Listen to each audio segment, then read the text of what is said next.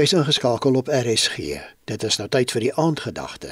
Dit word vanaand aangebied deur Dominee Gavin Kloete, leraar van die VGK gemeente Heatherdale in Heidedal, Bloemfontein. Goeienaand, liewe vriende.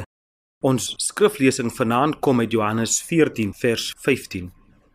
As julle my liefhet, sal julle my opdragte uitvoer. Ons geleesde teks is 'n kragvers. Die teks kom in 'n bevel na ons toe. Dit gee 'n diepe genoegsame motivering van Jesus se diepste bedoeling met elke navolger. Dis 'n duidelike no-nonsense woord. As ons Jesus liefhet, moet ons sy opdragte uitvoer. Sy bevel was nog nooit in onduidelike taal gegee nie. Hierdie opdrag van Jesus wil ons by die werklike rede bring waarom ons Jesus navolg. Ons navolging van hom is 'n praktiese bewys van ons volgelingskap.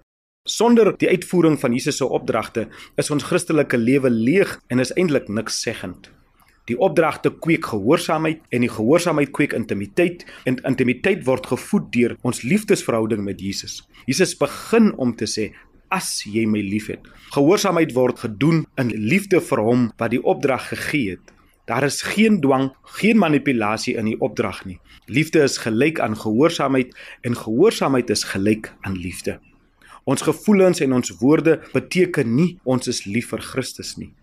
Ons liefde word bepaal deur ons dade van liefde en die diepste motiewe. Die teks in Deuteronomium 6 vers 1 tot 3 gee 'n kosbare beskrywing van hierdie uiters belangrike saak. Opdrag word in hierdie teks vertaal met gebod, insettinge en verordeninge. Jesus se opdrag is direk dus gekoppel aan ons voorspoed en vooruitgang. En daarom die bevel: As jy my liefhet, voer my opdragte uit. In vers 3 staan die woord sorgvuldig en of noukeurig. Dit wil ons aandag fokus op die belangrikheid van die opdrag wat ons moet uitvoer. Die bevel is soos niks anders nie. Dit kom van Jesus en ons moet antwoord op die bevel en dit uitvoer. Dit bring ons by 'n liefdesverklaring.